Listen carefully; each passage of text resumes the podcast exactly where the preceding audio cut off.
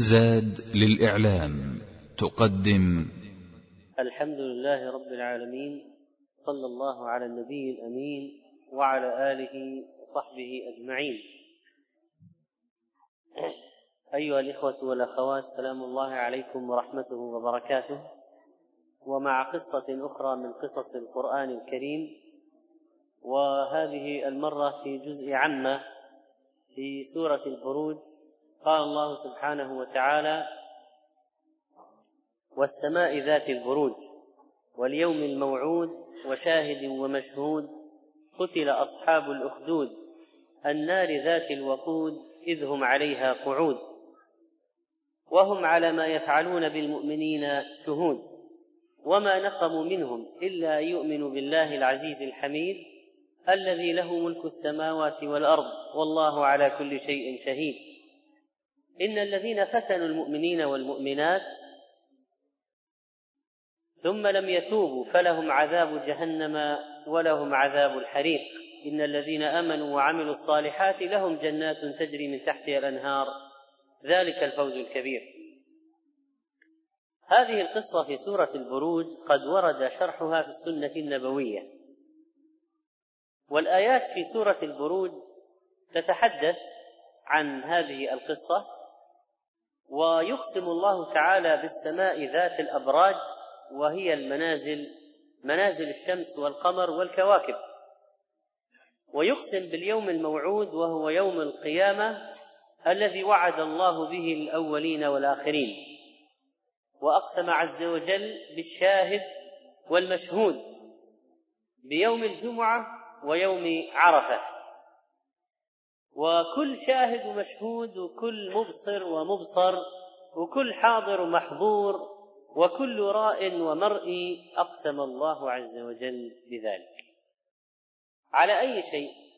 على أي حقيقة؟ ما هو جواب القسم؟ أين هو؟ قال تعالى قتل أصحاب الأخدود. أهلكوا. لعنوا. طردوا عن رحمة الله. أصحاب الأخدود الكفار الذين أحرقوا المؤمنين بالنار. أين مكانهم؟ الله بهم عليم. هل كانوا في نجران كما هو مشهور؟ هل كانوا في اليمن في الشام؟ الله بهم عليم. لكنهم كفار خدوا الأخاليد خدوا الأخاديد وأوقدوا فيها النيران وجعلوا يقذفون الناس المؤمنين فيها. قال مجاهد رحمه الله في أصحاب الأخدود شق بنجران كانوا يعذبون الناس فيه. فتنوا المؤمنين ليردوهم عن دينهم. لما عجزوا حفروا الأخدود كالنهر في الأرض وجمعوا الحطب الكثير وأججوا النيران وألقوا فيها عباد الله المؤمنين. الله عز وجل فسر قوله قتل أصحاب الأخدود النار ذات الوقود. هذا بيان لما تحويه الأخاديد وهذا وصف لها بأنها عظيمة يرتفع فيها اللهب من الحطب الكثير وأبدان الناس. ماذا فعل أصحاب الأخدود المجرمون؟ إنهم كانوا قعودا ينظرون إلى الذين يعذبونهم. إذ هم عليها قعود حول الأخدود إذ هم عليها حول النار التي ألقوا فيها المؤمنين. يرونهم والنار تشويهم وتأكلهم وتلتهمهم وهم مع ذلك في ضي في غيهم وضلالهم. يتفرجون على التعذيب وهناك أناس فيهم من انتكاس الفطرة ما يجعلهم يتلذذون بإيلام الآخرين. لماذا كل هذا؟ لماذا هذه النيران وهذا الأخدود وهذا الحرق والتعذيب؟ ما هي جريمة هؤلاء الناس الذين ألقوا في النار؟ قال تعالى وما نقموا منهم إلا أن يؤمنوا بالله العزيز الحميد. كل الجريمة إذن أن هؤلاء الذين ألقوا في الأخدود كانوا يؤمنون بالله العزيز الذي لا يضام ولا يرام ولا يستطيع أحد أن يغلبه فإن له العزة والجبروت والقوة والملكوت سبحانه وتعالى. اذا عيبهم ليس بعيب في الحقيقة ولا عيب فيهم غير غير أن سيوفهم بهن فلول من قراع الكتائب. كقول الشاعر يمدح قوما ليس إيمانهم بعيب فلماذا يحرقون؟ وما نقموا منهم إلا أن يؤمنوا بالله العزيز الحميد الذي له ملك السماوات والأرض وحده لا شريك له يتصرف فيهما. والله على كل شيء شهيد مطلع على كل شيء. يرى الكفار ماذا يفعلون؟ ويرى المؤمنين كيف يحرقون؟ سبحانه وتعالى. قال تعالى إن الذين فتنوا المؤمنين والمؤمنات ثم لم يتوبوا فلهم عذاب جهنم. فتنوهم عذبوهم أحرقوهم. قال الحسن البصري رحمه الله انظر إلى حلم الله عز وجل. يحرقون أولياءه ثم يعرض عليهم التوبة. إن الذين فتنوا المؤمنين والمؤمنات ثم لم يتوبوا. يعني بعد هذا كله بعد كل هذا الإحراق إذا ما تابوا لهم عذاب جهنم. وإذا تابوا تاب الله عليهم. فما أعظم هذه التوبة؟ وما أحسن هذه المنزلة؟ وما أفضلها عند الله؟ إنه يعرض عليهم التوبة وقد حرقوا أولياءه. انظر إلى حلم الله عز وجل يحرقون أولياءه ثم يعرض عليهم التوبة يقول إن الذين فتنوا المؤمنين والمؤمنات ثم لم يتوبوا. إذا العبد لا ييأس من رحمة الله. ولو كان قتالا للناس ولو كان مجرما سفاكا للدماء فإن الله يتوب على من تاب. حتى لو قتل من عباد الله من قتل. حتى لو كان الذين قتلهم ليفتنهم عن دينهم. وهذا أشد من أشد من الذي يقتل الناس للاستيلاء على أموالهم. الذي يحرقهم ويعذبهم لكي يفتنهم عن الدين والتوحيد والإسلام أسوأ وأشد من الذي يقتلهم للاستيلاء على أموالهم مثلا. ومع ذلك التوبة باب مفتوح للجميع. حتى لهؤلاء. قال ابن القيم رحمه الله وفي هذا فائدة عظيمة وهي أن على العبد أن لا يأس من مغفرة الله وعفوه ولو كان منه ما كان فلا عداوة أعظم من هذه العداوة ولا أكثر ممن حرق بالنار من آمن بالله وحده وعبده وحده ومع هذا فلو تابوا لم يعذبهم وألحقهم بأوليائه. فتنوا أحرقوا. كما قال تعالى يوم هم على النار يفتنون يحرقون. فتنوهم صدوهم عن الدين والآية تحتمل المعنيين جميعا. ثم لم يتوبوا يرجعوا إلى الله ويندموا. فلهم عذاب جهنم ولهم عذاب الحريق مثلا بمثل والجزاء من جنس العمل. أحرقوا أولياء الله فكان جزاؤهم الحرق. في النار جزاء وفاقا. وفي هذه الآية إشارة إلى أن التوبة تهدم ما قبلها. وأن العذاب يكون من جنس الجريمة. ولو نظرنا في عدد من أنواع العذابات لوجدنا أن العقوبة جاءت مناسبة للجرم فمثلا الحدود الشرعية لما تلذذ جسد الزاني بالحرام وهو محصن ناسب أن يرجم بالحجارة في كل مكان من الجسم. ولما امتدت يد السارق الخائن إلى المال الحرام عليه كان من المناسب قطع هذه اليد. وهكذا العقوبات لها علاقة بنوع الجريمة. ولما ذكر عقوبة الظالمين ذكر ثواب المؤمنين فقال إن الذين آمنوا بقلوبهم وعملوا الصالحات بجوارحهم لهم جنات تجري من تحتها الأنهار ذلك الفوز الكبير. قد يسلط الله بعض أعدائه على بعض أوليائه. وليس هذا التسليط معناه إهانة الأولياء كلا. لكنه يريد رفع درجاتهم ويريد زيادة حسناتهم سبحانه وتعالى. وليس معنى ذلك أنه يريد إعزاز أعدائه كلا بل هي فتنة لهم وإمهال وليزدادوا عذابا ويزدادوا جرائم فيكون عليهم العذاب مضاعفا يوم القيامة. ونرى كيف أن هؤلاء الكفار لم يأخذوا المسلمين بجرم فعلوه ولا بذنب اقترفوه وإنما بالإيمان. ليس هذا ذنبا إنه الحق.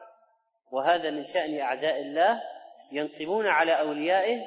ما يجب على الأولياء أن يفعلوا؟ يا أهل الكتاب لم تنقم هل تنقمون منا إلا أن آمنا بالله وما أنزل إلينا وما أنزل من قبل وأن أكثركم فاسقون. ماذا نقم أهل الفواحش على لوط عليه السلام وعلى أهله؟ ماذا نقموا عليهم؟ أخرجوا آل لوط من قريتكم. لماذا؟ إنهم أناس يتطهرون. سبحان الله وهؤلاء أصحاب الأخدود يحرقونهم بالرغم من أنهم على الحق. وفعلوا ما يجب عليهم من الإيمان بالله. هل تم إحراق المجرمين من أصحاب الأخدود في الدنيا أم أن العذاب أجل إلى يوم القيامة؟ قال بعض العلماء إنهم أحرقوا في الدنيا وإنهم بعد أن أحرقوا أولياء الله خرجت النار من الأخدود عليهم فأكلتهم. وبعضهم فهم من قول الله تعالى ولهم عذاب الحريق أن هذا الحريق في الدنيا. ولكن ليس عندنا دليل ثابت نستطيع أن نسلم به أن النار قد خرجت على هؤلاء وأحرقتهم فعلا. ولعل عذاب هؤلاء لم يحصل في الدنيا. وعذاب الحريق يكون في الآخرة وقد سمى الله عذاب جهنم عذاب الحريق في عدد من المواضع. وهكذا رحلت هذه الثلة إلى الله من المؤمنين ورحلت الثلة الأخرى من الكافرين الذين عذبوهم إلى الله أيضا لكن شتان شتان. فريق في الجنة وفريق في السعير. حريق الدنيا الموت فيه بعد مدة يسيرة. حريق الآخرة ليس هناك موت ولا تخفيف. حريق الدنيا ينتهي وحريق الآخرة لا ينتهي للكفار. حريق الدنيا بنار جزء من سبعين جزءا من نار جهنم. وحريق الآخرة فضل على حريق الدنيا بتسعة وستين جزءا.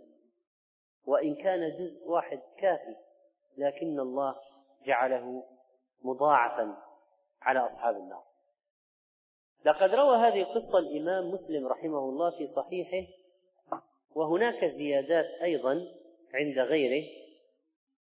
عن صهيب رضي الله عنه أن رسول الله صلى الله عليه وسلم قال كان ملك في من كان قبلكم وكان له ساحر. ونلاحظ الاقتران بين الملك والسحر من جهة السيطرة على الناس فالملك من مصلحته أن يسيطر على الناس ومن أجل ذلك يتخذ الذين يعجب بهم الناس أو الذين يمكن أن يخدعوا الناس ويسلم له الناس ويتبعهم الناس. ويظنهم الناس أصحاب شأن وهم السحرة. لقد استعان الملوك بالسحرة قديما مرارا وتكرارا. وفرعون لعنه الله استعان بالسحرة. والملك هذا في قصة أصحاب الأخدود استعان بالسحرة. ولا يزالون يستعينون بالسحرة. ولا شك أن هذا استعانة بأهل الباطل. ولذلك فإن الاستعانة بالحرام بصاحب الحرام حرام والذي يستعين بالساحر فإنه آثم. فإنه آثم قلبه. كان ملك في من كان قبلكم. إنها قصة رائعة من القصص القديمة التي أخبرنا النبي صلى الله عليه وسلم عنها. تلك من أنباء الغيب نوحيها إليك. وكان له ساحر. كان له إذا مختص بالملك. هذا ساحر البلد هذا ساحر الملك الخاص وكان له ساحر. فلما كبر يعني الساحر قال للملك إني قد كبرت. أحس بأن أجله قد دنا وأن ساعته قد اقتربت. فابعث إلي غلاما أعلمه السحر. إذا أهل الباطل يريدون أن باطلهم يستمر وأنه ينتقل عبر الأجيال. ولذلك قال للملك ابعث إلي غلاما أعلمه السحر. وفيه أن السحر يعلم ليس فقط شيء نفسي أو ينقدح في النفس لكن يعلم وينتقل بالتعليم وما يعلمان من أحد حتى يقول إنما نحن فتنة فلا تكفر. ولذلك كان تعلم السحر حرام وتعليمه حرام.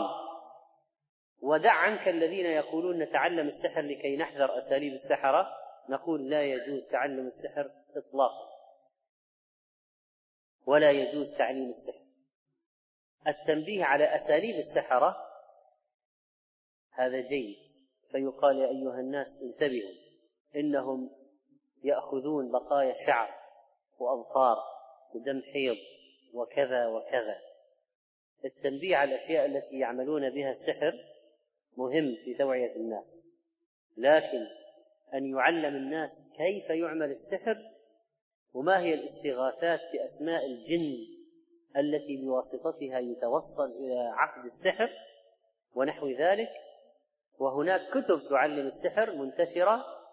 وهناك في هذا الزمان مواقع على الإنترنت تعلم السحر. وهناك أفلام هاري بوتر المشهورة التي تحدثوا عنها في هذه الأيام وقصص بلغ توزيعها 250 مليون نسخة. تشجع على السحر وتبجله وتزينه وتجمله في عقول الأطفال. هذا ما بلغنا من أطفال صغار في مسرحية أو فيلم أو أو مسلسل آه، له شهرة آه، فيه جذب الناس إلى السحر وتحبيبهم في السحر وإغراءهم بالسحر وهذا من ورائه اليهود ولا شك لأن اليهود من أعظم أو من أكبر السحرة في العالم. من أكبر السحرة في العالم يهود. حتى أن أحدهم حدثني أنه ذهب إلى بلاد المغرب لكي يلتمس ساحرا هناك ينتقم به ممن فعلوا له سحرا هنا. شوف العمليات يعني يذهبون إلى آخر الدنيا لكي يفكوا أسحارا ويعملوا أسحارا ويرد على سحر فلان بسحر آخر. قال فسألت عن أعلم واحد بالسحر. قالوا نذهب بك إلى شيخ السحرة. شيخ لهم شيخ. شيخ السحرة المعلم الكبير. فذهبوا بي إلى يهودي. فاليهودي طبعا طلب مبلغ من المال كبير وقال السحر أعمله لك وهذا يحتاج إلى وقت. ثم تجعله في النجف في البيت الجماعة وتجعل كذا نقط على مدخل الباب وكذا في غرفة النوم وكذا تحت الوسادة وكذا تجعل في الطعام وكذا. فهذا يقول له لكن السحر خاف قال لكن هذا السحر ما هو حرام؟ كيف تعمل السحر؟ قال لا هذا نبيكم. حث عليه أن عملي صحيح ما في شيء. قال كيف؟ قال في الحديث قال نبيكم من عمل آه، إن الله يحب من أحدكم إذا عمل عملا أن يتقنه. فالعامة طبعا تسمي السحر عمل يقولون هذا معمول له عمل. على أي حال السحر قديم في البشرية وأهل الباطل يريدون نقل الخبرات المحرمة إلى الأجيال حتى لا ينقطع طريق الشر ولا ينقطع طريق إبليس. قال للملك إني قد كبرت فابعث إلي غلاما أعلمه السحر. ليش ما قال ابعث إلي رجلا؟ لأنه يريد أن يطول عمر هذا صاحب الباطل وأن يكون الغلام ذكيا يستطيع أن يفهم بسرعة ويتعلم بسرعة ويكون عنده الوقت حتى يمارس أطول وقت ممكن. وينشأ ويترعرع على الباطل لأن غرس الباطل في نفوس الأطفال سهل وتنشئتهم عليه يكون في البداية وفي سن الطفولة في له أثر عميق في النفس. وعند الترمذي ابعث إلي غلاما فهما أي سريع الفهم أو قال فطنا أي حاذقا لقنا حسن التلقن لما يسمعه. انظروا إلى المواصفات. فهما لقنا أعلمه السحر. فبعث إليه غلاما يعلمه. إذا تم انتخاب أذكى غلمان القرية لكي يتعلم هذا الباطل وهذا الكفر. لكن الله عز وجل إذا أراد هداية شخص مهما تكالب أهل الباطل عليه وكان عنده المعلمون الكبار للكفر فإن الله إذا أراد أن يهديه هداه. ولذلك يمكن أحيانا أن يهتدي الشخص في أسوأ الأماكن. يعني من العجيب مثلا أن يهتد أن تهتدي ممثلة من الممثلات ولغت في مستنقعات الفن العفنة ومثلت في الأدوار الوسخة القذرة ثم يهديها الله عز وجل أن يتوب مغني أو مغنية. يعني هذا شيء عجيب. ليس مثل أن يهتدي شخص عادي خلطوا عملا صالحا وآخر سيئا. لا هذا إذا تاب من من الطبقة هذه أشخاص هذا يدل فعلا على معنى قول الله من يهدي الله فهو المهتدي من يهده الله فلا مضل له. كيف هدى الله هذا الغلام؟ قدر الله أن يكون على طريق الغلام وهو ذاهب من بيته إلى الساحر أن يكون على طريقه راهب موحد ممن كان يعبد الله في ذلك الوقت على بصيرة وعلى التوحيد. فبعث إليه غلاما يعلمه فكان في طريقه إذا سلك راهب. فقعد إليه وسمع كلامه. شاء الله أن يصل كلام الراهب إلى سمع الغلام وأن يسمع ويأتي ويجلس. ومن المهم أن يوجد للناس مجالس علم. مهم أن يوجد للناس دروس. حتى يجلسوا إليها لأنه لو لم يوجد دروس كيف سيعرفون الحق؟ لو لم يوجد مجالس ذكر كيف سيهتدون إلى الحق؟ ولذلك فإن هذا الراهب الذي كان يذكر ربه فسمعه الغلام فجاء وقعد إليه. قعد إليه تبين كيف مقعد التلميذ من الشيخ. قعد إليه وسمع كلامه فأعجبه. وهكذا الحق عليه نور والإنسان إذا سمعه يمكن أن يميزه. لماذا؟ لأنه يوافق الفطرة. والأصل أن كل مولود يولد على الفطرة. والأصل في هذا الغلام أنه على الفطرة وأن كلام الراهب الموحد العابد هذا موافق لفطرة الغلام. ولذلك لما سمع إليه أعجبه أعجبه وينبغي أن يعرض الحق بالأسلوب الحسن. صحيح أن الحق حسن في ذاته لكن يزيد حسنا إذا عرض بأسلوب جميل. ومن المهم أن يعرض الحق بأسلوب جميل. إننا نرى في هذه القصة منظرا جميلا لغلام لغلام فتي حدث يقعد إلى راهب عابد موحد من عباد الله الأخيار ليتعلم منه. فأنعم بهذا التعلم لكن صار هنا درسان يوميا. من مشربين مختلفين وشيخين مختلفين شيخ في الضلالة والكفر وشيخ في الإيمان والتوحيد. يتلقى الغلام يوميا درسا في الكفر ودرسا في التوحيد. يجلس عند هذا الشيخ وعند شيخ الكفر والسحر وعند شيخ التوحيد والدين والإيمان. إنها ازدواجية في التلقي. ولذلك تنتج حيرة. ولأجل هذا الغلام بقي في نفسه أي الأمرين أحب إلى الله؟ أمر الساحر ولا أمر الراهب؟ في حيرة صحيح قد يكون هناك ميل أو ترجيح لكن الحيرة أو النسبة الشك من أين منشأها؟ ازدواجية التلقي. ولذلك يجب أن يتلقى أولادنا الحق من طريق واحد. لا يتلقون حقا وباطلا. لا يتعلمون اسلاما وكفرا. لا يتلقون سنة وبدعة. لا يتلقون حسن حسن خلق وسوء خلق. ما يجوز. الازدواجية مضرة. تنتج في النفس انشقاقات.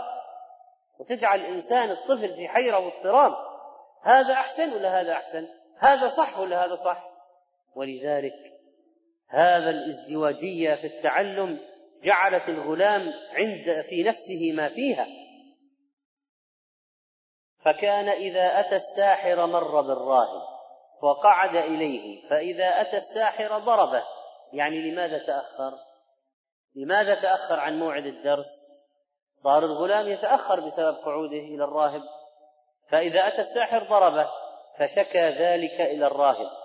فقال إذا خشيت الساحر فقل حبسني أهلي وإذا خشيت أهلك فقل حبسني الساحر.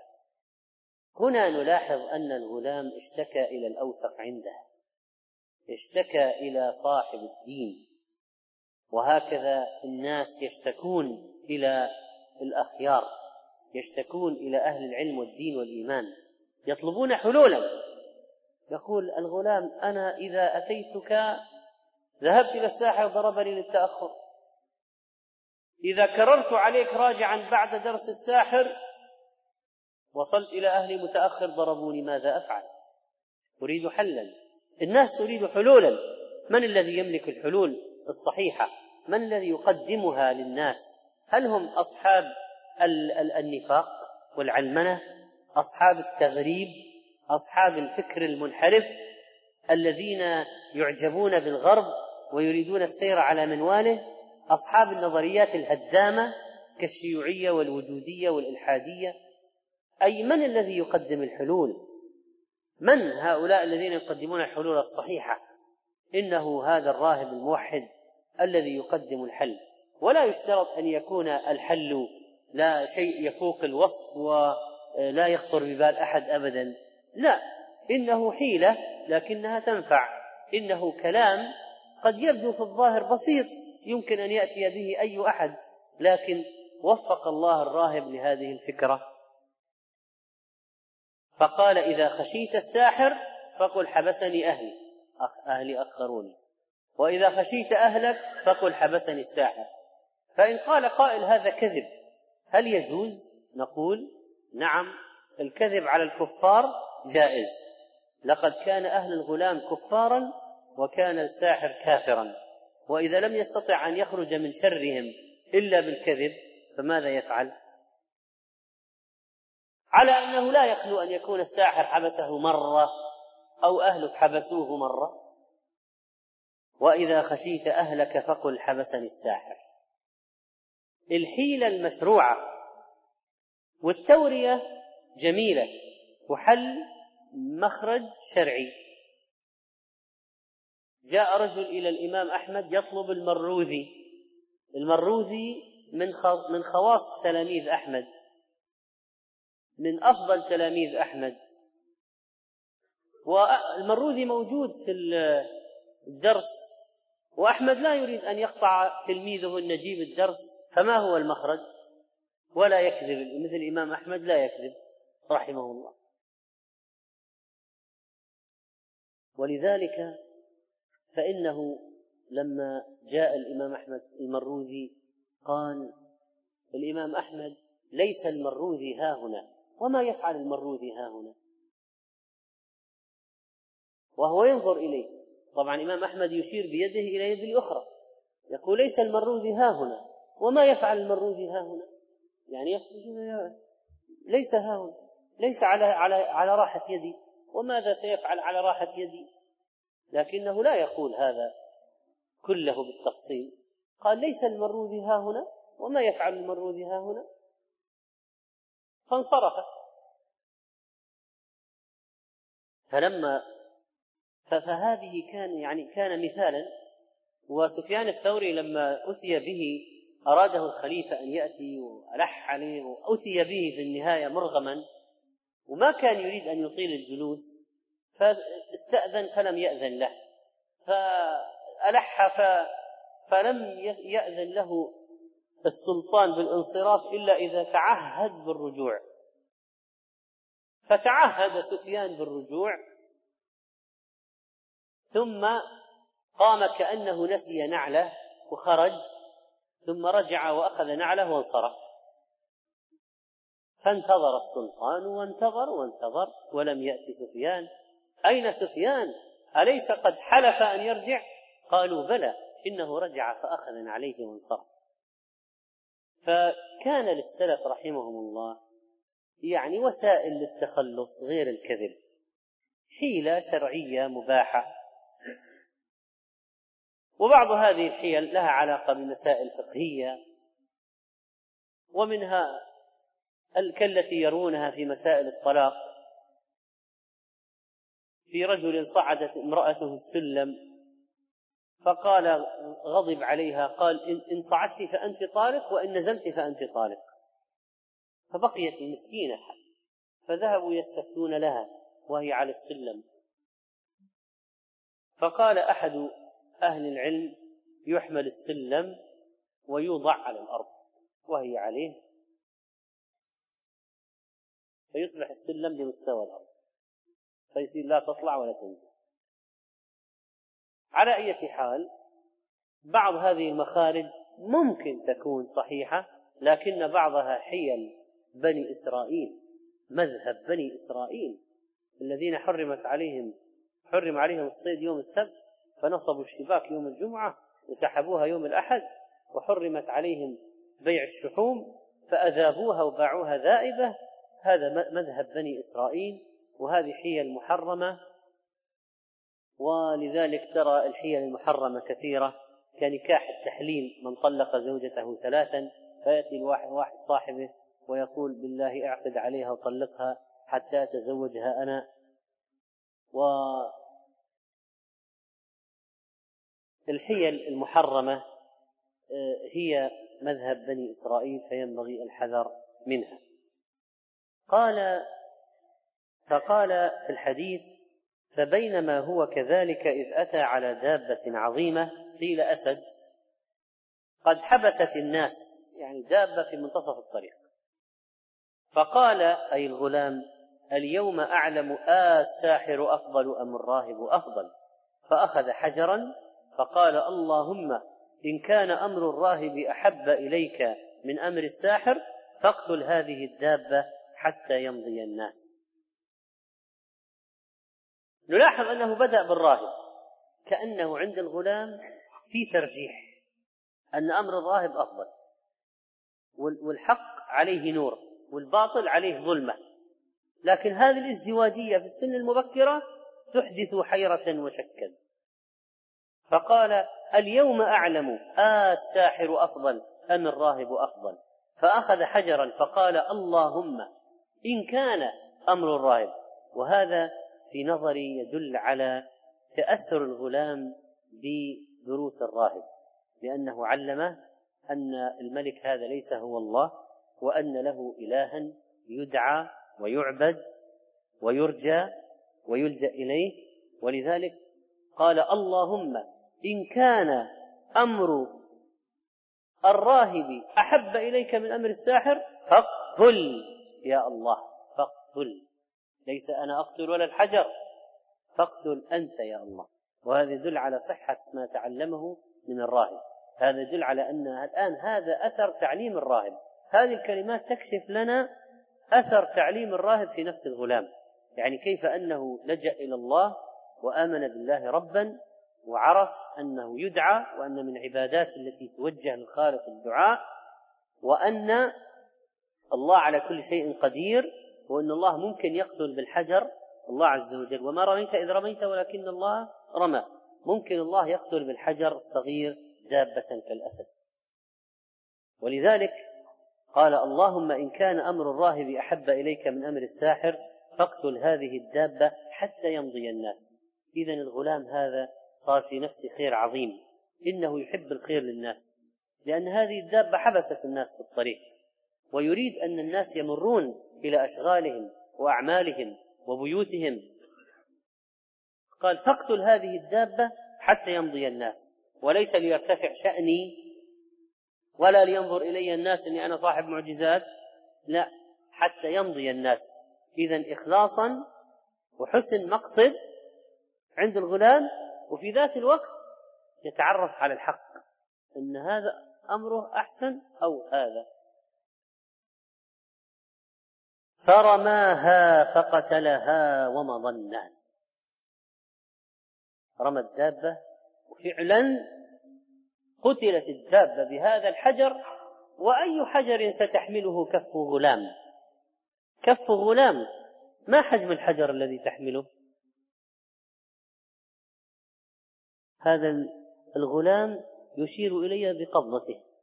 يقول هكذا حجم الحجر. وهذا صحيح. وهل هذا الحجر الصغير في الكف الصغيرة يقتل أسدا في العادة؟ لا. بل إذا كيف قتله؟ قتله بخارق خرق الله به العادة لأجل الغلام لأن الله يريد من وراء ذلك أمورا. يعني من من يرى القصة يعني يعرف أشياء من حكمة الله. يعني كيف الله يدبر الأمور لتسير باتجاه معين؟ سبحان الله. سبحان الله. فعلا يعني تدبير إلهي. تدبير إلهي. ما البشر لو لا يستطيعون التخطيط من هذا المستوى إطلاقا. هذا شيء رباني. قال فرماها فقتلها ومضى الناس. طبعا بالتأكيد الآن انتشر الخبر وأن غلاما قد رمى الأسد بالدابة بحجر فقتلها وكلنا كنا خايفين حتى جاء الغلام وقتل الدابة وهذا الغلام مبارك وهذا الغلام عنده قدرات خارقة وهذا الغلام الآن ارتفعت أسهم الغلام في المجتمع واتجهت إليه الأنظار والذي لم يكن يعرفه بات يعرفه جيدا. إنه الغلام صاحب القدرات الخارقة. لكن الخبر وصل إلى من؟ إلى عدة أشخاص. من بينهم نقل الغلام الخبر إلى الراهب ووصل الخبر إلى الراهب. الراهب بكل تجرد وبكل إخلاص وبكل تنازل عن حظوظ النفس وبطريقة غير متوقعة. وهل يعني يعني سهل على الشيخ أن يقول لتلميذه أنت أفضل مني؟ ولكن الراهب قال ذلك. الراهب هو الشيخ وهذا الغلام تلميذ عنده يتعلم منه. فقال الراهب أي بني؟ مع أنه بني لأنه صغير. مع ذلك أنت اليوم أفضل مني. أنت اليوم أفضل مني. قد بلغ من أمرك ما أرى. يعني الله عز وجل أجرى على يدك هذه الخارقة الكبيرة معناها أنك أنت الآن عند الله بمنزلة أنت أفضل مني. وإنك ستبتلى. لعل الراهب عنده خبر ومن من سنة الله في أوليائه الابتلاء. والآن يعني الراهب ينظر إلى شخص قد أودعه دينا. الراهب الآن يقدر الحقيقة أن الراهب هذا رحمه الله كان رجلا حصيفا ذكيا بعيد النظر يفكر ويدبر ويقلب الأمور. ويفكر صح. قال أي بني أنت اليوم أفضل مني. صارت على يدك هذه الكرامة. أنت من أولياء الله. إن الله أجرى على يدك هذه الكرامة اذا أنت من أولياء الله. طيب والعادة أن أولياء الله ماذا يحدث لهم؟ ابتلاءات خصوصا أن الغلام الآن عرف أمر من هو الحق. الآن عرف الغلام أن أمر الراهب هو الحق وأن دين الراهب هو الحق. وبما أن دين الغلام الذي اكتشف أنه الحق الآن يقينا بما أنه مخالف لدين الملك ودين المجتمع فمعنى ذلك إن الغلام هذا معرض لماذا؟ القضية ما تحتاج يعني الآن إلى علم غيب. الراهب عرف أن الغلام أيقن أن الحق هذا الآن بعد الحادثة والآن الغلام يحمل عقيدة مخالفة لعقيدة الملك والمجتمع. فماذا يعني ذلك؟ وهو الآن مقرب عند الملك الآن مرشح لخلافة الساحه يعني إن الغلام الآن معرض للابتلاء. يعني مسألة هذه شبه محسوب. خصوصا معروف عقيدة هذا الملك وكيف أنه كان كافرا بالله يدعو الناس لعبادته. وانك ستبتلى فإن ابتليت فلا تدل عليه. وإنك ستبتلى فإن ابتليت فلا تدل عليه ولو عذبوك لا تدل عليه معنى ذلك أن هذا الراهب كان يعيش في واقع اضطهاد. يعني كان يعيش في واقع غربة شديدة للدين. معناها يمكن ما في في البلد كله إلا واحد الراهب هذا. معناه هذا من بقايا مثلا مثلا من بقايا دين عيسى عليه السلام أو شيئا آخر حتى لو كان من قبل عيسى عليه السلام. يعني اذا هو من بقايا التوحيد. معنى ذلك إن البلد هذه ما كان فيها إيش؟ إلا هذا تقريبا. والقصة ما ذكرت في البلد كله إلا هذا. ومن الراهب انتشر الدين في الحقيقة. يعني في النهاية وصحيح الغلام كان له فضل كبير يعني بعد الله لكن أساس أساس المعتقد من أين نبع وجاء في البلد هذه؟ من الراهب قال فإن ابتليت فلا تدل عليه لأنه من علمك؟ من وين جبت الكلام؟ هذا مخالف لعقيدة البلد هذا كذا من أين؟ أين الأصل؟ من و... لا إذا سيعترف. فإن ابتليت فلا تدل عليه لا تخبر عني.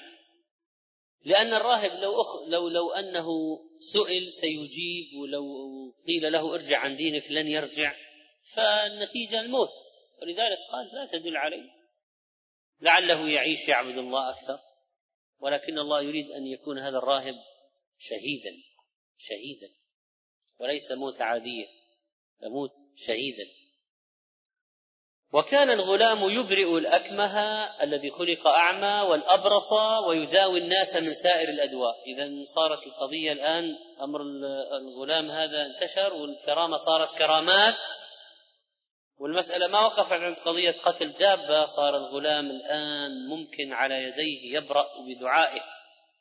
يبرأ الأعمى ويبرأ أصحاب العاهات ويبرأ الأبرص الذي عنده آفة جلدية.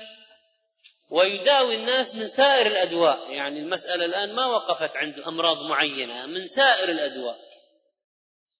وطبعا الناس يريدون الصحة وكل واحد إذا مرض وإذا تسامع الآن إذا واحد نجحت على يديه حالة من عشرة الناس تقاطروا إليه. كيف الغلام هذا؟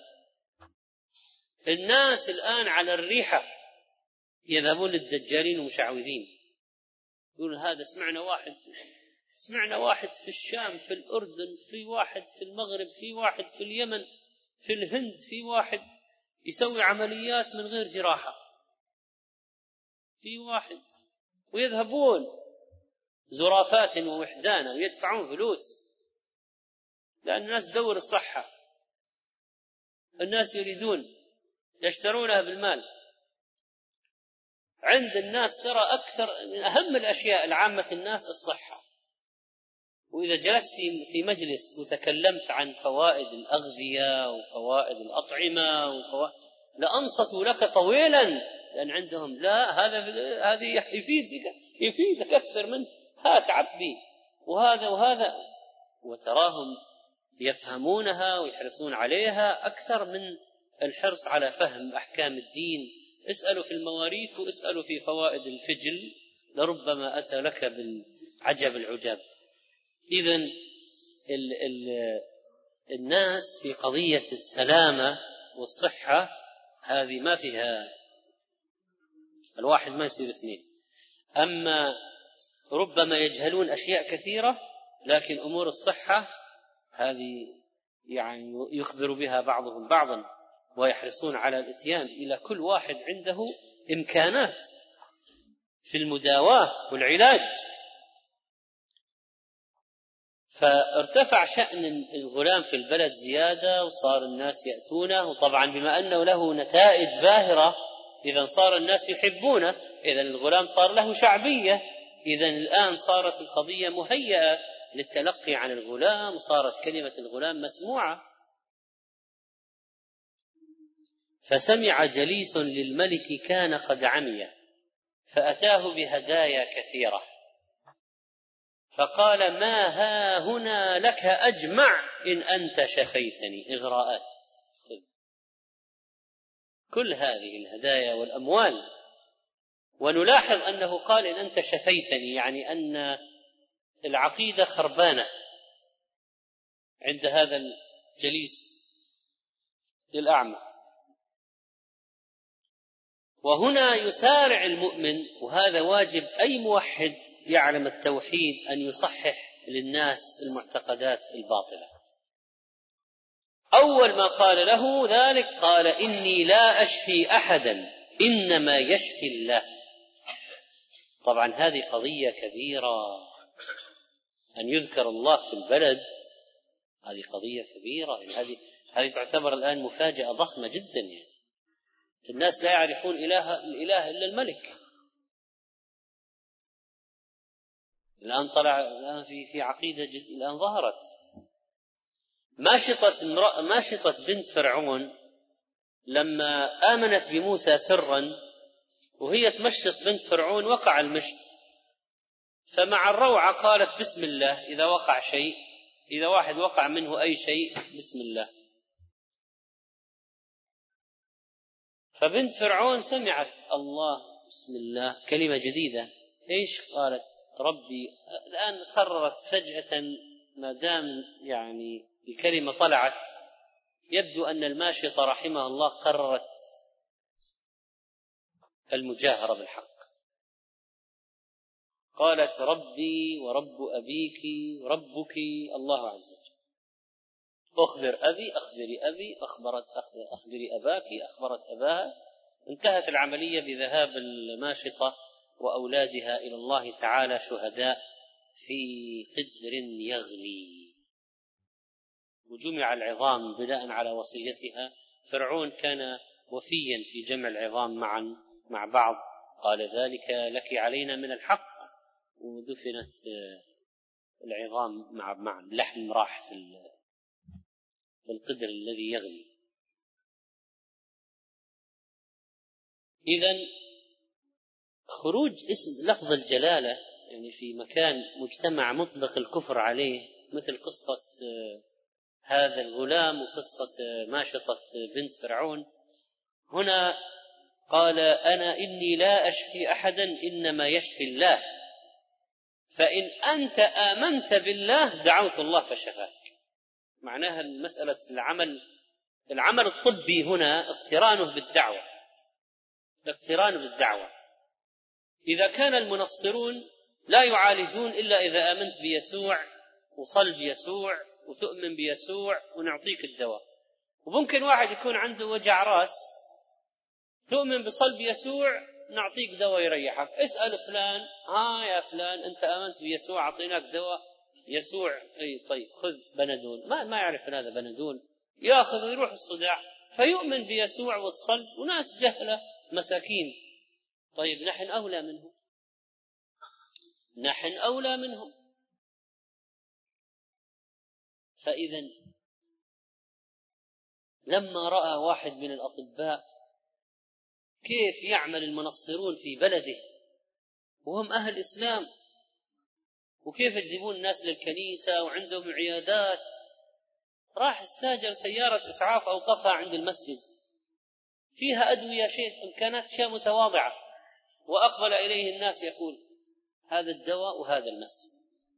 صارت دعوة. وتضايق النصارى جدا. كيف هذا يأخذ الزباين عليهم؟ اذا نلاحظ طريقة الغلام. الآن الغلام انتقل إلى إيش؟ انتقل إلى داعية. الآن الغلام صار داعية. الآن ليس مجرد مؤمن كان تلقى من الراهب كلاما. الآن صار ينقل هو للآخرين. وصار يغتنم الفرصة. أليس الناس محتاجون إليه؟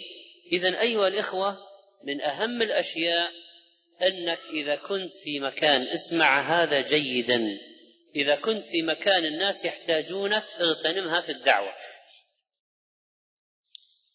إذا كنت في مكان الناس يحتاجونك اغتنمها في الدعوة. لأن الناس الان يحتاجوا الغلام. والآن صار الغلام يشرطها شرطا. لاحظ العبارة. يقول إني لا أشفي احدا إنما يشفي الله. طبعا هذا الآن تصحيح المعتقد وتقرير المعتقد.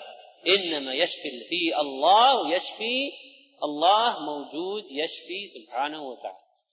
هذا تقرير العقيدة. الآن في شرط الآن في دعوة يعني. قال فإن أنت فإن إن شرطية فإن أنت آمنت هذا فعل الشرط بالله دعوت الله لك. اذا أنا ما أشفي. أنا أدعو. أنا أدعو. والله يستجيب لي دعائي. أنا مجاب الدعوة. أنا من أيام ما رميت الدابة بالحجر استجاب الله دعائي. اذا أنا ما عندي أنا لست أنا أشفي. أنا أدعو. قال فإن أنت آمنت بالله دعوت الله فشفاك. اغتنام حاجة الناس لسحبهم إلى التوحيد. هذه قضية مهمة. أحسن ناس يمارسون هذا الدور الأطباء. لأن الناس يحتاجون إليهم. أشد تقريبا من أي بند من أي نوع آخر من الناس. يعني أكثر من المهندسين وأكثر من الخياطين وأكثر من الطيارين. وأكثر من الأطباء. ولذلك اجتهد النصارى في قضية الجمعيات الطبية التبشيرية بالنار أو التبشيرية بدين النصارى. الغلام يمارس الدور بشكل جد جميل جدا ودعوة رائعة في الحقيقة والقضية ليست قضية إكراه لأن الأعمى بعد ذلك آثر الموت. يعني كانت العملية دعوة اقتناع اقتناع لأن لأن صار الأعمى مثلا لما آمن بالله ورأى النتيجة يعني أن الغلام دعا واستجيب إذا هناك إله يدعى ويجيب ويشفي. فصارت المسألة الآن درس عملي في العقيدة بالإضافة إلى التلقين النظري. لما اجتمع الأمران صارت المسألة عالية. قال الأعمى إذا لا بد أن يسلم وبالتالي قال فشفاك فآمن بالله فشفاه الله. فآمن الأعمى جليس الملك بالله فشفاه الله. فأتى الملكة إذا الأعمى جاء على حسب العادة. فجلس إليه كما كان يجلس. الأمور أحيانا أمور الدعوة تمشي بوتيره بطيئة. تأتي في منحنى معين تتسارع الأحداث. ماذا كانت الدعوة في وقت الراهب؟ يمكن سنوات طويلة الراهب هذا كان وحده أليس كذلك؟ يمكن الراهب في البلد هذه كان سنوات طويلة والدعوة على شخص واحد. آه، يسر أصلا ما في دعوة. يعني الذي يعتقد الحق في البلد واحد. بس كان الإيمان في البلد كله في واحد ويمكن سنوات طويلة الأمور الأمور ساكنة. تحركت الأمور قليلا لما شاء الله أن يسمع كلام الراهب للغلام والغلام يجلس عند الراهب ويؤمن. ثم تسارعت الأمور أكثر لما صارت قضية الدابة هذه.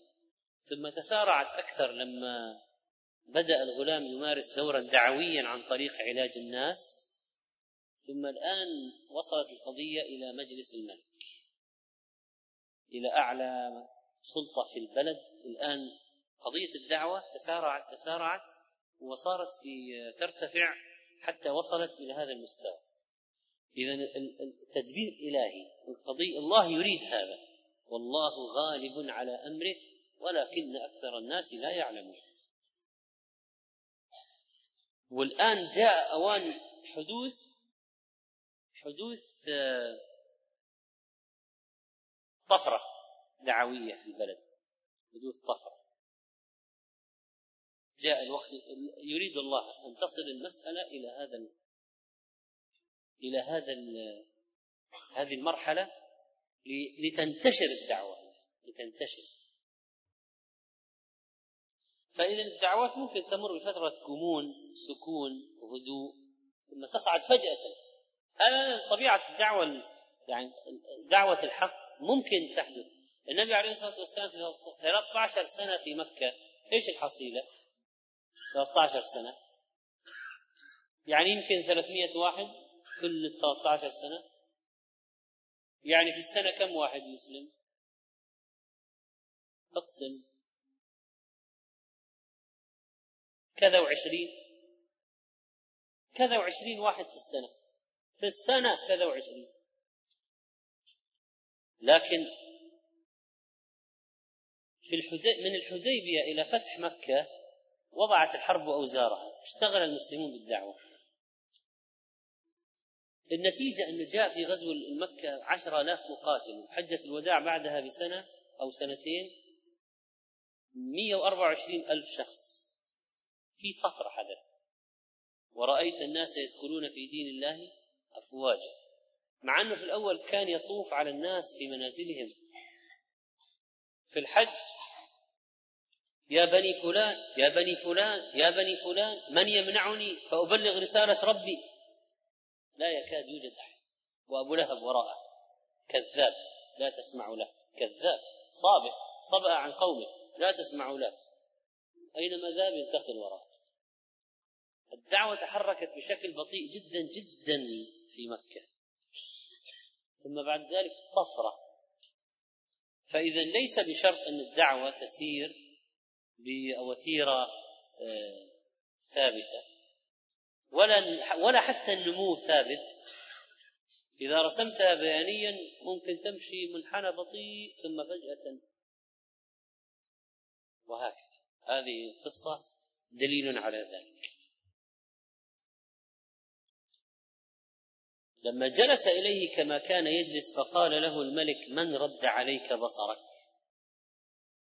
قال ربي لم يشأ الجليس أن يكتم الحق. رأى أنه ما دام الله أنعم عليه بالرد البصر إذا شكر النعمة يقتضي أن يعترف أن المنعم هو الله. قال ولك رب غيري؟ قال ربي وربك الله. يعني انظر إلى وقاحة الملك الذي يقول ولك رب غيري. يعني هذا مذهب فرعون. ما علمت لكم من إله غيري. خلاص. ما في. ولك رب غيري. قال ربي وربك الله. هذا ثبات عجيب وإيمان قوي. لأن الأعمى يعرف جيدا من هو هذا الشخص الذي أمامه. ويعرف جبروته وسلطانه وقوته وبطشه. يعرف هذا جيدا. يعرف ماذا سيكون وراءه. فأخذه. فلم يزل يعذبه إذا في تعذيب مستمر. حتى دل على الغلام. يعني معنى ذلك أن الأعمى رحمه الله حاول أن يصمد. حاول أن ما يكون سبب في أذية غيره. لاحظ حاول أن لا يكون سببا في أذية غيره. لكن في النهاية مع شدة التعذيب تكلم أن الغلام هو الذي علمني هذا الكلام. الله وربي وربك ورب الناس. فجيء بالغلام. الغلام شأنه غير عند الملك. فحاول الملك أن يحتويه أولا. فقال له أي بني؟ يعني تلطف معه الكلام ما كانت قد بلغ من سحرك. إذا يرد المسألة الآن إلى السحر.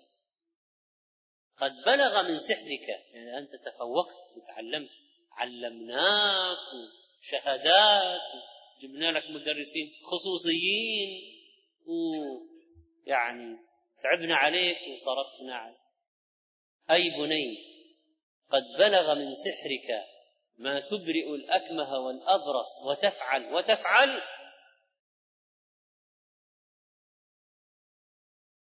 فقال إني لا أشفي أحدا إنما يشفي الله. يعني هو العبارة نلاحظ اتحاد العبارة. الحق واحد ما يتكلم هذا ويتكلم هذا ويتكلم هذا. الحق واحد ونفس الكلام يتكرر. هكذا أهل الحق دائما كلامهم واحد. وقد تختلف الألفاظ المعنى واحد. فأخذه فلم يزل يعذبه. طبعا غلام صغير وتعذيب شديد. ولم يزل يعني مسألة التوالي والاستمرارية في القضية. حتى دل ما أطاق والنفس البشرية لها حدود. ولا يكلف الله نفسا إلا وسعها والانهيار يعني وارد. لا نستطيع أن قد لا يستطيع الإنسان أن يصبر إلى إلى ما هكذا. حتى دل على الراهب فجيء بالراهب. وهكذا التسلسل تعقب منشأ منشأ العقيدة هذه من أين؟ من أين جاءت العقيدة؟ من واحد إلى واحد حتى وصلت إلى الأول الذي علم الراهب فجيء بالراهب طبعا ما يحتاج يقال الراهب من اللي علمك. خلاص هو الآن المعلم الأول في هذه البلد. فقيل له ارجع عن دينك. المساومة الآن في مجال آخر. التهديد الآن ليس من الذي قال لك الآن التهديد؟ ارجع عن دينك. فأبى. الآن لحظة ثبات. والشيء الذي كان يخشى أو يخافه الراهب قد حصل. هو أصلا كان لا يريد أن يدل عليه لأجل أن لا يصل إلى قضية هذه النهاية. لكن إذا جاءت يعني هو لا تتمنوا لقاء العدو. لكن إذا لقيتموهم فاصبروا خلاص خلاص. شيء لا ليس لم يخطط له ولم يتمنى أن يحصل لكن لما حصل ليس إلا الثبات خلاص. فإذا لقيتموهم فاصبروا.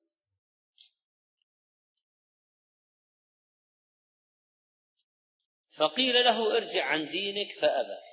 فدعا بالمئشار وفي رواية المنشار طبعا آلة تعذيب رهيبة جدا وأنا الحقيقة هذه آلة قتل الآن ليست آلة تعذيب. قتل بطريقة وحشية لإرهاب الآخرين هذا المقصود. قتل بطريقة وحشية لإرهاب الآخرين. فوضع المئشار في مفرق رأسه وسط الرأس الذي يفرق فيه الشعر. فشقه حتى وقع شقه. أمام الناس أمام وقع شقة. ثم جيء بجليس الملك فقيل له ارجع عن دينك. ولا بد الآن من القضاء على الفكرة والقضاء على العقيدة والقضاء على حملة العقيدة واحد وراء واحد. المسألة الآن عند هذا الملك تصفية. كله.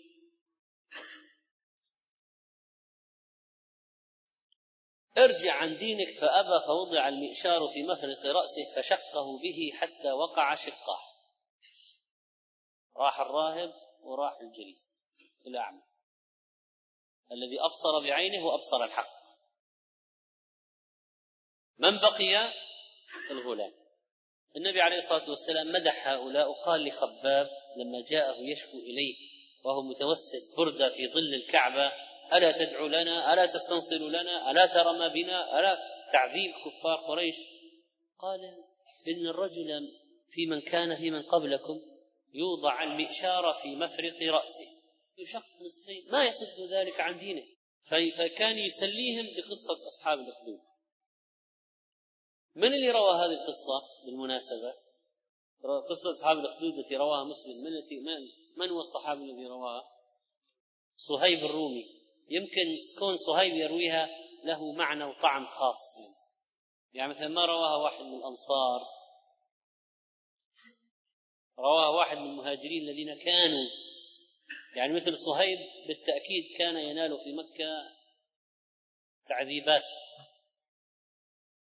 فكونوا حفظوا القصة ورواها معناها الظروف المتشابهة ومعناها أن القصة هذه رسخت في في ذاكرة صهيب رضي الله عنه جيدا حتى نقلها إلينا. وصلت المسألة إلى الغلام ثم جيء بالغلام فقيل له ارجع عن دينك فأبى. فدفعه إلى نفر من أصحابه. طبعا الآن الغلام وضعه خاص. الناس يحبونه له شعبية. الآن قتله بطريقة المنشار الوحشية. وهو صغير سن وله بين الناس مكانة. يعني هذه فكر فيها قليلا. نظر وبسر وعبس وأدبر واستكبر. نتيجة القرار في النهاية قتل بس بطريقة أخرى. تجي على كما يقولون يعني كأنها قضاء قدر. طبعا هي كله قضاء وقدر بالمنشار ولا بالجبل ولا كله قضاء وقدر لكن يعني كأنها جات آه، حادث عرضي. فقيل له ارجع عن دينك فأبى فدفعه إلى نفر من أصحابه يعني من أصحاب الملك من جنوده فقال اذهبوا به إلى جبل كذا وكذا. حدد الجبل فاصعدوا به الجبل فإذا بلغتم ذروته. يعني هذا الجبل مرتفع لابد أن يكون حتى تكفي التقلبات من فوق إلى تهشيم الجمجمة. فإن رجع عن دينه وإلا فاطرحوه. يعني ساوموه هناك أيضا وليس الآن فقط قبل الذهاب للموت هناك أيضا. عند قد يتراجع ويستفاد منه. قد يتراجع ويستفاد منه. فلم يفقد الملك الأمل في آخر لحظة أن الغلام يتراجع. فذهبوا به فصعدوا به الجبل فقال اللهم اكفنيهم بما شئت. هذه دعوة مباركة جميلة ممكن الواحد يحفظها وإذا خاف من أي شخص أن يعمل له أو إذا أراد شخصا أن يؤذيه يقول اللهم اكفنيه بما شئت. اللهم اكفنيه. ومن يتوكل على الله فهو حسبه. حسبي الله يعني الله كافيني. اللهم اكفني اكفنيه بما شئت. من سلط عليه من جنودك. افعل بهم أي شيء بما شئت. أنا الذي يهم الغلام الخلاص. كيف الخلاص؟ لله. فوض الكيفية الخلاص إلى الله. اكفنيهم بما شئت. فرجف بهم الجبل فسقطوا وجاء يمشي إلى الملك. يعني الشيء الذي كانوا يريدون أن يحدثوه حدث لهم. وطريقة القتل التي كانوا يريدون بها قتل الغلام قتلوا هم بها. لكن هنا الكرامة أن الله لم لم يجعل رجفة الجبل على الغلام مهلكة بل ما مسه سوء. لكن العجب أيضا أن الغلام ما انحاش ما شرد. ولم يهرب. وإنما قال في الحديث وجاء يمشي إلى الملك. يعني تحدي من غلام بطريقة فقال له الملك ما فعل أصحابك؟ قال كفانيهم الله. مرة أخرى إصرار يعني على أن الله كل شيء الله ونسبة الأمور إلى الله. وهذه طبعا فيها إغاظة يعني فيها فيها ارتفاع ضغط الملك بلا شك. قال كفانيهم الله. لأن, لأن هذا هذه نقطة والمعركة هنا في هذه المسألة. الله. فدفعه إلى نفر من أصحابه آخرين. فقال اذهبوا به فاحملوه في قرقور وهو السفينة الصغيرة. فتوسطوا به البحر حتى ما يكون في مجال. جوا على على الشاطئ لا توسط به البحر داخل. فإن رجع عن دينه ولا زال يعني هناك أمل لعل هذا الغلام يرجع لهذا الغلام صار له شعبية الآن وصار له منزلة ومكانة. والاستفادة منه واستثمار منزلة الغلام الآن هذا مهم. فلعله يرجع. فإن رجع عن دينه وإلا فاقذفوه. طبعا وحشية أن يلقى غلام في عرض البحر لكن هذا مذهب الطغاة فذهبوا به. فقال اللهم اكفنيهم بما شئت. الدعوة ذاتها. الدعوة ذاتها. كما دعا الله أن يقتل الدابة ودعا الله عند الجبل ودعا الله هنا في البحر في قمة الجبل ولا في البحر المدعو واحد وهو الله عز وجل. قال اللهم اكفنيهم بما شئت. فانكفأت بهم السفينة فغرقوا. إذا ما كانوا يريدون أن يقتلوا به الغلام قد قتلوا به هم غرقا إلى جهنم وبئس المصير. وهنا تأتي كرامة أخرى للغلام المشي على الماء. لأن بالتأكيد يعني أنه كيف رجع الآن إلى الماء؟ وجاء يمشي إلى الملك ولم يهرب. مرة أخرى. فقال له الملك ما فعل أصحابك؟ قال كفانيهم الله. مرة تكرر نفس القضية.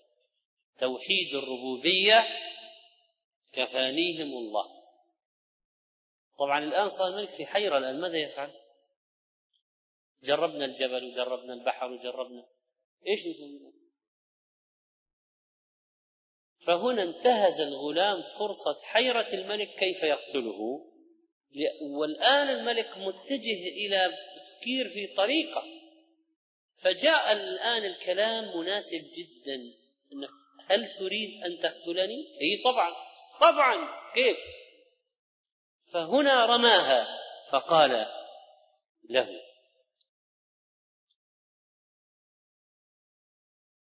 إنك لست بقاتلي حتى تفعل ما آمرك به. شوف اللفظ. ما آمرك. طبعا هي يعني هذه كبيرة لكن استعلاء الإيمان غلام يعني يأمر الآن غلام يأمر عليه يقول ما آمرك؟ لاحظ ما قال حتى تفعل ما أطلبه منك حتى تفعل ما أقوله لك. في بعض العبارات ترى مستعملة في الآن في الحديث هذا الحديث وحي حديث وحي والكلمات مقصودة ودقيقة وكل كلمة لها مدلول. ما قال أنت تفعل ما أقوله لك أو قال ما آمرك به. فيه أوامر الآن. لكن الملك من أجل الوصول إلى غرض التخلص الآن من غلام مستعد أن يهين نفسه. يعني ولو أنه الآن اضطر للرضوخ لكن في سبيل مفسدة من درء مفسدة أكبر.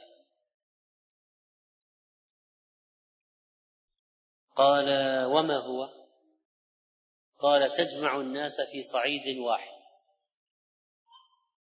جاءت الآن الطفرة الدعوية الكبرى في البلد. الكبرى اللي ما في أكبر منها. كبرى. وانتهزها ذلك الغلام فرصة لعرض الدعوة على جميع الناس وإيصال الحق العقيدة إلى جميع الناس وإسماع الحق إلى جميع أهل البلد. تجمع الناس في صعيد واحد. موسى طلب نفس الطلب. قال موعدكم يوم الزينة وأن يحشر الناس ضحى. لأنه مهم جدا إسماع الناس الحق مهم جدا. وإن أحد من المشركين استجارك فأجره حتى يسمع كلام الله. لابد الناس تعرف تسمع الحق. لازم. وإلا كيف تقوم الحجة؟ قال كيف تقوم الحجة؟ يعني الناس يكفرون أو يعصون بسببين. أن ما وصلهم الحق أو أن هواهم كان أقوى من الحق. فرضخوا للهوى. لكن الآن لابد من إزاحة العائق الأول وهو عائق الجهل. يعني الناس في جهل ما يس... لا يجوز أن يبقى الناس في جهل. تجمع الناس في صعيد واحد. في الأرض البارزة الواسعة. صعيد. ما هو مرتفعات ومنخفضات ووراء جبل وفوق هضبة وتحت حفرة. لا تجمع الناس في صعيد. موسى اختار أيضا أن يحشر الناس ضحى في وقت يكون الشمس ليست ليس ظلاما وليس شمسا تؤذي العينين ضحى ضحى. وهكذا قال تجمع الناس في صعيد واحد. وتصلبني على جذع. ثم خذ سهما من كنانتي أنا. يعني حتى السلاح الذي ستقتلني به ليس تبعك تبعي. ما هو من عندك من عندي. يعني حتى هذه ما لك فيها فضل ولا لك فيها نصيب. السلاح من عندي. تأخذ سهما من كنانتي. ثم ضع السهم في كبد القوس. طبعا يعني هو طبيعي يعني الواحد أين سيضع السهم؟ لكن التعليمات يأمره حتى الشيء المعروف يقوله له يأمره به حتى المعروف الشيء المعروف. كل ما هو معروف أيضا كلها أوامر. ثم قل بسم الله رب الغلام. هذه هي العقدة في الموضوع وهي يعني اللي عليها مدار الخطة كلها على كلمتين هذول. بسم الله رب الغلام. على هاتين الكلمتين. أصلا المعركة والدعوة والحياة والعقيدة كل المسألة الآن لأجل هاتين الكلمتين. لكي يسمع الناس هاتين بالذات تحديدا يعني هاتين الكلمتين تحديدا. بسم الله رب الغلام. ألوهية وربوبية وتسمية قبل الرمي. ثم ارمني. ثم ارمني. طبعا هو يعني هو معروف إنه سيرمي لكن ارمني. فإنك إذا فعلت ذلك قتلتني. اذا هذه الطريقة الوحيدة اللي عندك. ما في غيرها. أي طريقة محاولة أخرى ستبوء بالفشل. ولأن الملك كان مستعجلا في إنهاء القضية والقضاء على منبع المشكلة الآن والغلام هذا الذي بدأ ينشر دين آخر في البلد وقضيه فرضخ. فجمع الناس في صعيد واحد وصلبه على جذع ثم أخذ سهما من كنانته. طبعا الناس تسامع الناس بالقصة والغلام وما حصل والجنود والجبل والبحر والآن وال وما وماذا ما كيف الآن ينفذ الملك كلام الغلام خطوة خطوة؟ الناس يرون ذلك. بسم الله. فجمع الناس في صعيد واحد وصلبه على جذع ثم أخذ سهما من كنانته ثم وضع السهم في كبد القوس. مقبضها عند الرمي ثم قال بسم الله رب الغلام ثم رماه فوقع السهم في صدغه. فوضع يده في صدغه في موضع السهم فمات. يعني بعد ما وضع يده في الموضع فمات. لما مات خلاص. الطفرة الدعوية حدثت تأثر كل الحاضرين. وأيقنوا أنه ما استطاع أن يفعل شيئا إلا بعد هاتين الكلمتين بسم الله رب الغلام. إذا الله موجود ويريد ويقدر وهو الذي قد هو الذي نجاه وهو الذي قضى الآن موته وهو وهو. فإذا هذا هو فعرف الناس العقيدة الصحيحة وتبين لهم الحق وطبعا الآن هذا الذي كان ينفعهم قتل مظلوما. فراح الناس وراءه. آمنا تصايح الناس. الآن تصايح الناس من كل مكان فقال الناس آمنا برب الغلام آمنا برب الغلام آمنا برب الغلام. يعني كان مشهدا إيمانيا مجلجلا عجيبا في البلد هذه وعندما يرى ذلك الغلام المقتول ظلما وقد وضع يده على صدغه في موضع ما وقع السهم وكيف بعد الكلمات ما قيلت. وآمن الجميع. ونجحت خطة الغلام الدعوية بعد موته. وليس من المهم أن يرى الداعية نتائج دعوته في حياته. المهم أن تحدث النتيجة. المهم أن تحدث الدعوة. المهم أن يحدث البيان. المهم إيصال الحق للناس. ولو مات الداعية بعد بعد موته أجر في قبره ما يضر. فأتي الملك الآن جاء قرناء السوء وجلساء السوء فقيل له أرأيت ما كنت تحذر؟ أنت الآن كنت ما تبغى تقتل الغ... كنت تبغاها حادثة عرضية لأجل ما الغلاء الناس ما يؤمن. الشيء المحذور وقع أنت قتلت الأعمى وقتلت الراهب وقتلت الغلام لكي لا تنتقل العدوى. الآن الآن خلاص الناس كلهم إيش الحل الآن؟ قتل الناس. هذا هذا الجنون. قد والله أرأيت ما كنت تحذر؟ قد والله نزل بك حذرك. قد آمن الناس. فالآن خلاص صارت واحد عنجهية جنون تهور طغيان جبروت. أمر بالأخدود في أفواه السكك الطرق فخدت واضرم النيران. وقال من أضرم النيران؟ وقال من لم يرجع عن دينه فأحموه فيها وفي رواية فأقحموه اطرحوه كرها. أو قيل له اقتحم ففعلوا. حتى جاءت امرأة ومعها صبي لها فتقاعست أن تقع فيها من أجل الصبي رحمة المرأة بصبيه. فقال لها الغلام يا أمه اصبري فإنك على الحق. وفي غلام ثاني الآن طلع أو ثبت الله به أمه.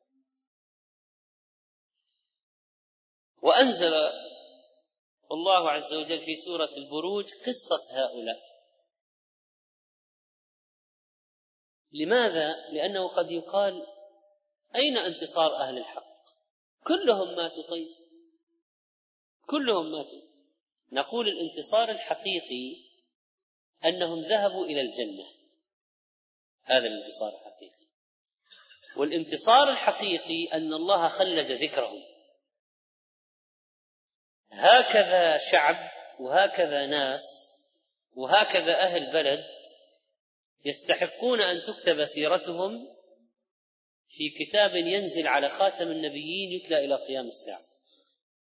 ونبقى ويبقى القرآن يقرأ إلى قرب قيام الساعة قتل أصحاب الأخدود النار ذات الوقود إذ هم عليها قعود وهم على ما يفعلون بالمؤمنين شهود وما نقموا منهم إلا أن يؤمنوا بالله العزيز الحميد الذي له ملك السماوات والأرض والله على كل شيء شهيد. إذا الثبات حتى الممات هو العبرة ونقلت القصة إلينا في القرآن الكريم وخلد الله ذكرهم وقد احترقوا وذهبوا شهداء إلى الله سبحانه وتعالى. لقد مات الملك ومات الجنود ومات الناس لكن بعد هذه المدة التاريخية الطويلة إذا جردنا الحسابات أصحاب الجنة هم الفائزون. فريق في الجنة وفريق في السعير. نسأل الله أن ينفعنا بكتابه وأن يثبتنا بالقول الثابت في الحياة الدنيا وفي الآخرة. وصلى الله على نبينا محمد